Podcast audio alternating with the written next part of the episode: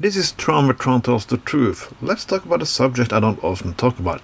I'll be talking about it in the past, but we have to see that it can be the first war under Biden.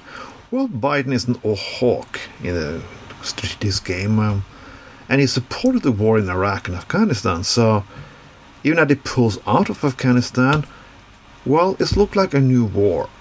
And I know a lot of people say, "Hey, Russia isn't that bad. Russia feels threatened. Uh, Europe and NATO is the aggressive part.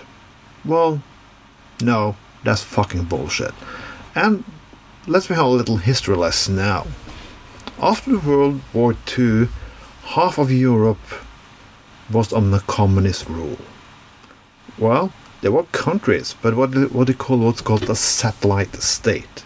That means they basically was was run from Moscow.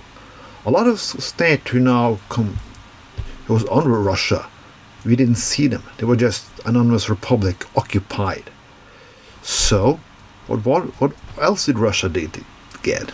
Or the Soviet Union was called at that time. They got a lot of fucking countries. Estonia, Latvia, and Lithuania. They even got a part of Poland, so Poland had to push their border west.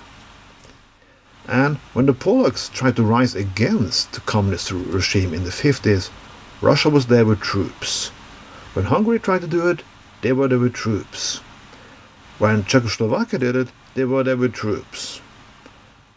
Even when Lithuania tried it in the beginning of the 90s, they were there with troops, but that this time they had to pull out because of international pressure and a new president called Gorbachev.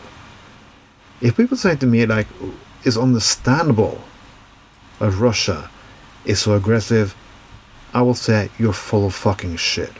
I it looked like somebody saying like you hate American foreign policy. Therefore, when America stands on one side and other countries stand on the other, Russia, America, I mean, always is wrong. But the reality isn't that easy. Russia has already threatened tons of their countries, neighbor countries. They already taken a part of Ukraine and support rebels inside Ukraine with weapons. And they want parts, those parts too. How much can you give? How much should you suspect and how much will you grant Putin? Yes, NATO have established themselves in the east of Europe. They have, but they have been a threat to you. They come there because they were asked to. When we can go a little more years back in history, not many years ago, Ukraine tried to do a treaty with Europe. That was a trade. Well, what would Russia answer? Well, they threatened them. And they even tried to kill their president. They're trying to poison him. They threatened for former citizens of the country living in other countries. Not far away, not long ago, they tried to, to kill a person in Britain. He was a critic against Putin. They tried to kill him in Britain. So who is the part here who's aggressive? I had it with Russia for so long now. Or did I mention the part why they have a border to Norway? Because they took a part of Finland.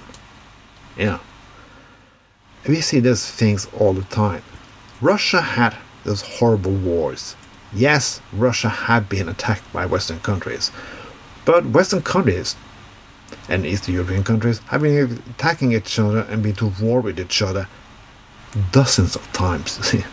we had 100 year war, the 30 year war, revolution, killings, First World War, Second World War, trouble in the Balkans, trouble fucking everywhere.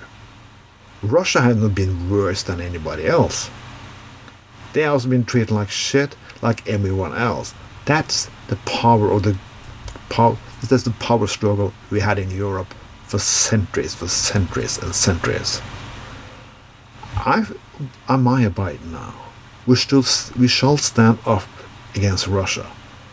We shall stand up and support the Ukraine. Ukraine, one hundred and ten percent.